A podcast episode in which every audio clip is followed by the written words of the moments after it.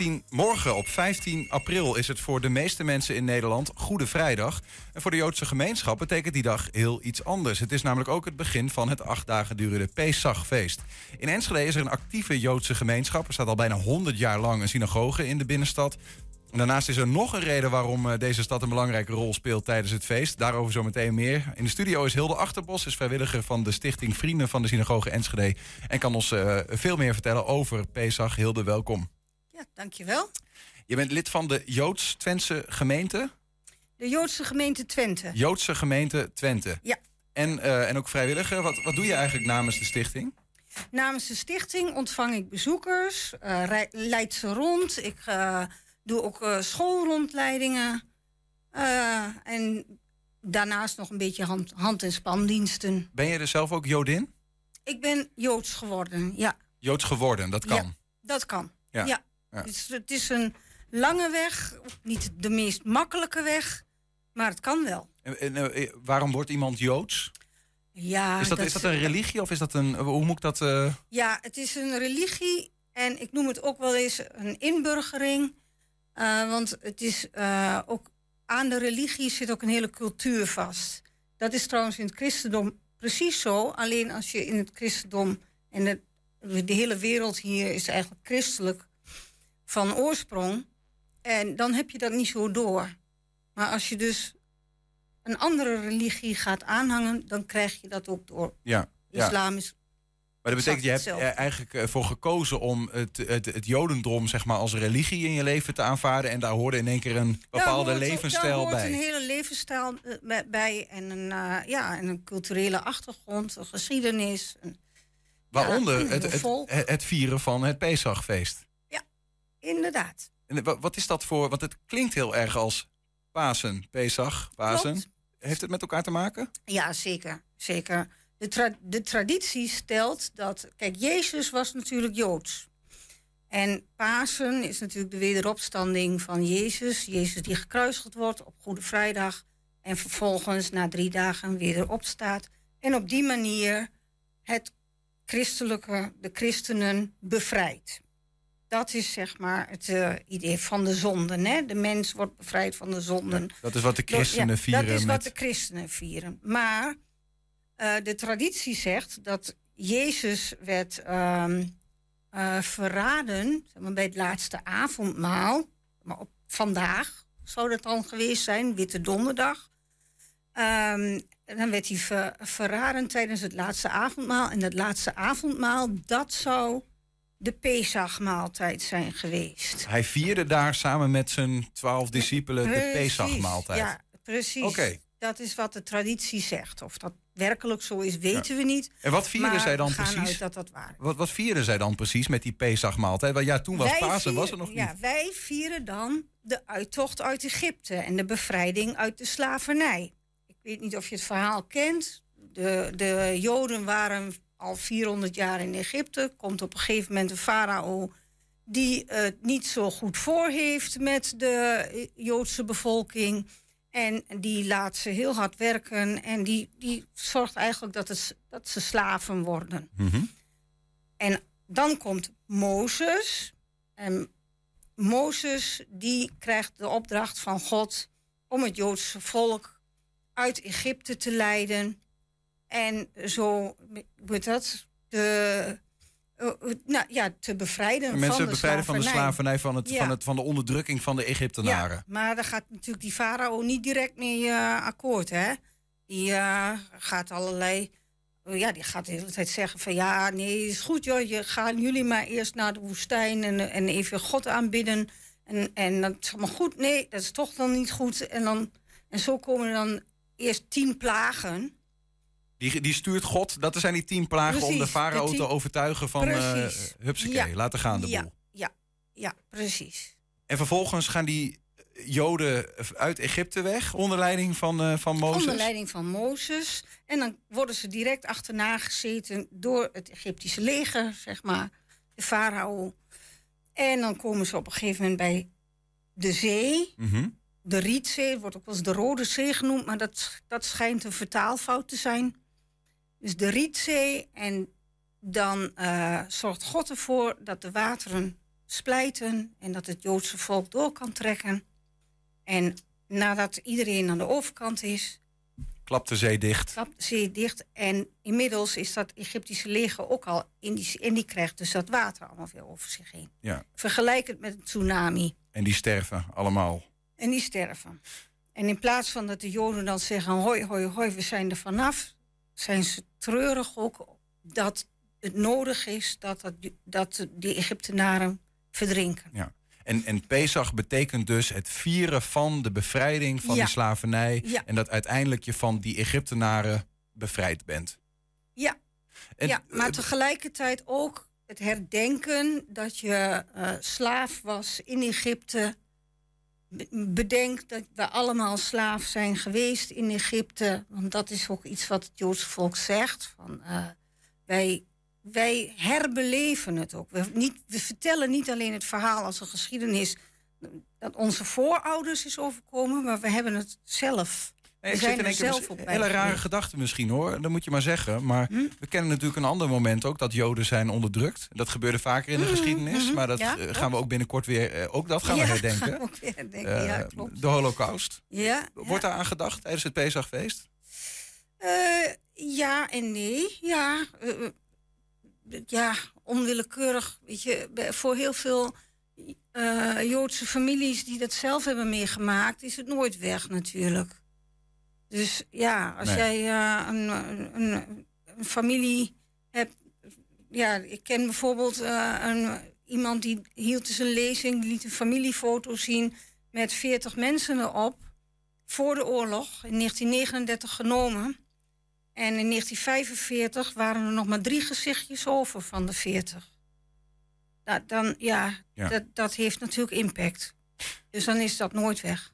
Ehm, Maar ja, kijk, de, de, wat, waar Pesach mee begint is een rituele maaltijd. ja, precies. Want wat, wat hoort er dan? Want we- zometeen, ik noemde al, eh, van het gaat ergens over wat ook heel erg veel met Enschede te maken heeft. In ieder Ja, geval, Enschede heeft ja. daar een bepaalde rol in. Ja, Eh, dat heeft te maken met die rituelen. ja, want op de dag dat eh, de tiende plaag kwam... en dat was de, de, de, de dood van de eerstgeborenen... van de Egyptenaren, het Egyptische volk... toen eh, moesten de eh, Joden moesten in één keer heel snel dus weg zijn. Zoals dat gaat. Hè. Als je vluchten moet, dan gaat dat direct. Dan moet je echt eh hup, tasje pakken, wegwezen. En toen was er dus geen tijd om het, om het brood dicht te laten rijzen. En daarom eten we matzes. Dat staat overigens ook, is, dat is ook een gebod wat in de Torah staat, de, Bijbel.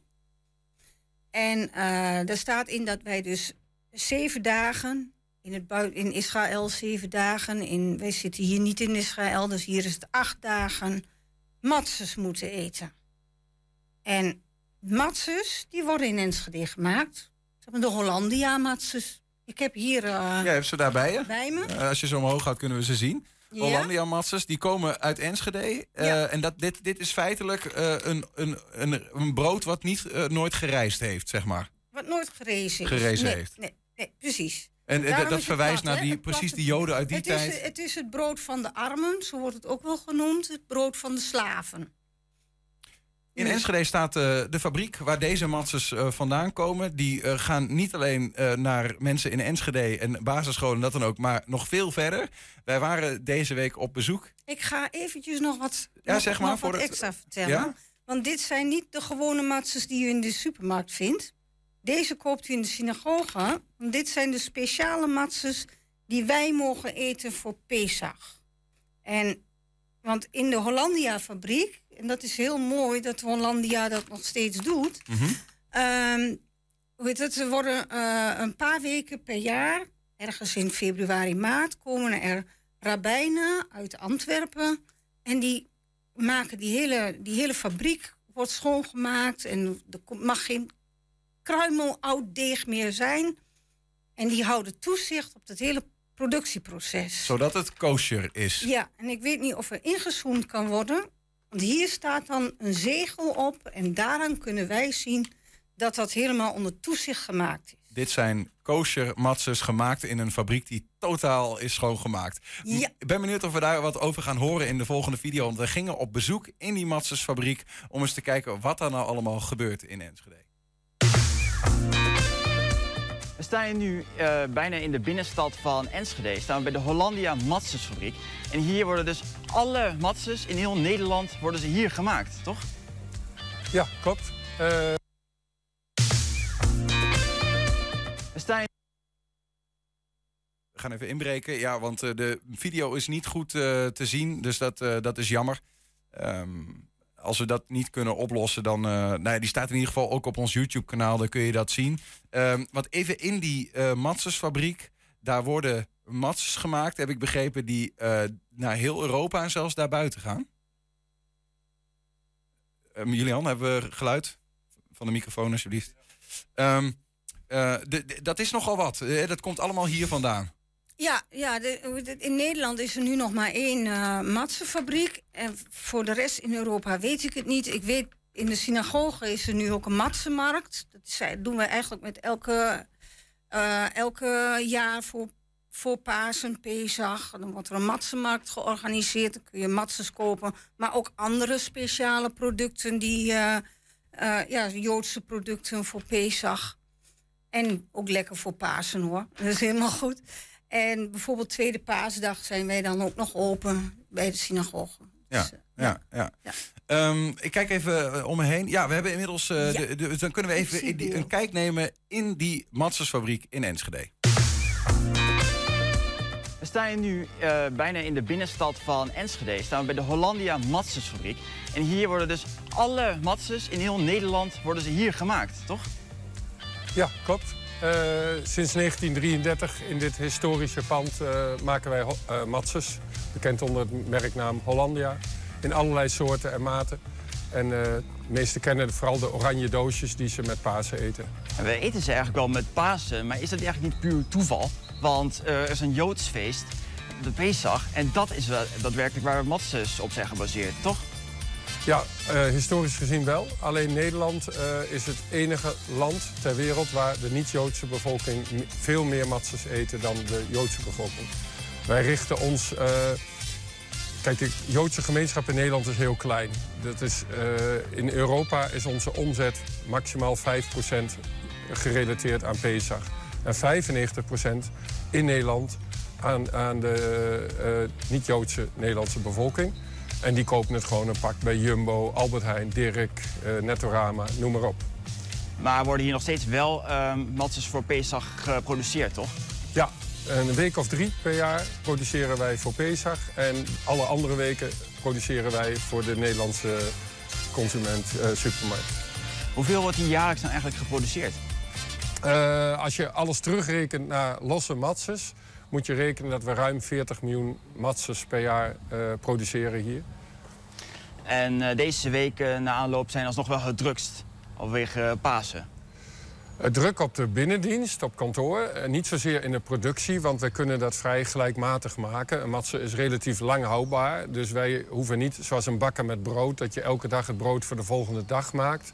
Dat hebben wij niet. Wij kunnen met een lange houdbaarheid bouwen we langzaam die voorraad op... Uh, richting Pasen. Wat is nou eigenlijk de kracht van de matse?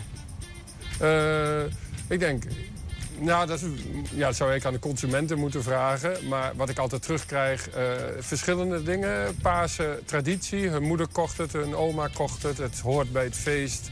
Mensen krijgen gelijk een associatie met boter en, en bruine suiker. andere kant, de rest van het jaar verkopen we ook best veel matses. En dat zijn toch mensen die een keer een ander crackertje willen. Of die heel erg met hun gezondheid bezig zijn. En de techniek bij Hollandia, is daar een hele moeilijke uh, techniek voor om het matsen te produceren? Um, op zich niet. We doen dat op een machine die stamt uit 1924, als ik het zo heb. Dus het maken van de matses, dat gebeurt op een oude machine. Maar het hele impactgedeelte, dat gebeurt met moderne machines. En dat is wel een stuk lastiger. Dan is er over de jaren zeker heel weinig veranderd aan het recept van een matse. Daar is uh, uh, niets aan veranderd. Helemaal niets? Helemaal niets. Nee, water en bloem. En de productie gaat het altijd goed? Nee, je zit uh, um, zeg maar rond oktober. Dan heb je de nieuwe oogst. En eh, dat wil wel problemen geven. Dat je eh, de, de, de uh, hoeveelheid water moet aanpassen, de temperatuur moet aanpassen. het is een natuurproduct, dus dat gaat altijd een beetje in de weer. Ja, toch bijzonder. Ik, ik, blijf het bijzonder vinden. Een relatief kleine fabriek. En ik vraag me af, al die, uh, hoeveel waren het? 40 miljoen of zo in ieder geval. Heel veel matzes komen er vandaan. Ja. Uh, hier uit Enschede. Uh, Hilde Achterbos nog steeds even bij ons in de studio. we praten over Pesach. Ehm, hoe, hoe, hoe, uitbundig wordt dat feest tot slot dan gevierd de komende dagen bij jullie in huis? het is een echt familiefeest. Echt gezinnen komen met bij elkaar. Soms grotere families soms hele uh, gro ja, grote gemeenschappen. Ehm, en wat wel bijzonder is, dat er ook een bijzondere rol is weggelegd voor kinderen. Want de hele maaltijd uh, verloopt volgens een bepaald ritueel. En op een bepaald moment mag het jongste kind aan tafel mag de vraag stellen: waarom is deze avond anders dan alle andere avonden? En dat is zeg maar het startpunt voor het hele verhaal over de uittocht van Egypte, waar we het net over gehad hebben. Ja. En, en dan vieren jullie die, dan eten jullie die maaltijd die Jezus met zijn discipelen ook at. Uh, voor, nou, het dezelfde maaltijd is, weet ik niet. Maar in ieder geval dat, dat laatste avondmaal, zeg maar. Ja, uh, ja, uh, ja met ja. allerlei gangen, ja, met symbolen allerlei, erin. Ja, alle, precies. Allerlei symbolen zitten verwerkt in die maaltijd. Er wordt ondertussen gezongen, er wordt verteld, er worden vragen gesteld, er wordt gediscussieerd. Uh, het duurt ook heel lang. Hè? We beginnen om uh, nu kwart over zeven, zeg maar, half acht ongeveer. En nou, als je om twaalf uur klaar bent, dan mag je blij zijn. En als toetje? Matsen. En dat, die wordt eerst, wordt die aan het begin van de maaltijd, wordt, die, wordt een stukje van, uh, wordt doormidden gebroken, wordt verstopt. En dan mogen de kinderen mogen hem opzoeken. Of andersom, sommige gezinnen hebben ook andere tradities. Dan, wordt, dan mag, mogen kinderen het uh, verstoppen. En dan moet Kijk. papa het opzoeken, zeg maar. Zo lijkt het ook weer een beetje dus op Pasen. Maar dat zal onbewust ja, zijn. Precies. Um, nou, of misschien niet eens, weet ik niet. Ah, toch interessant, hè? Interessant om van je te horen. Hilde Achterbos, dank voor je, voor je uitleg over dat Pesachfeest. En uh, een mooi inkijkje ook in het nou ja, gebruik van de matsen tijdens uh, dat feest. Dankjewel. Nou, en als jullie nog matses willen kopen, dan zijn jullie tweede paasdag dus welkom bij de synagoge tussen 11 en 5. Heerlijk spul. Lekker. Ja.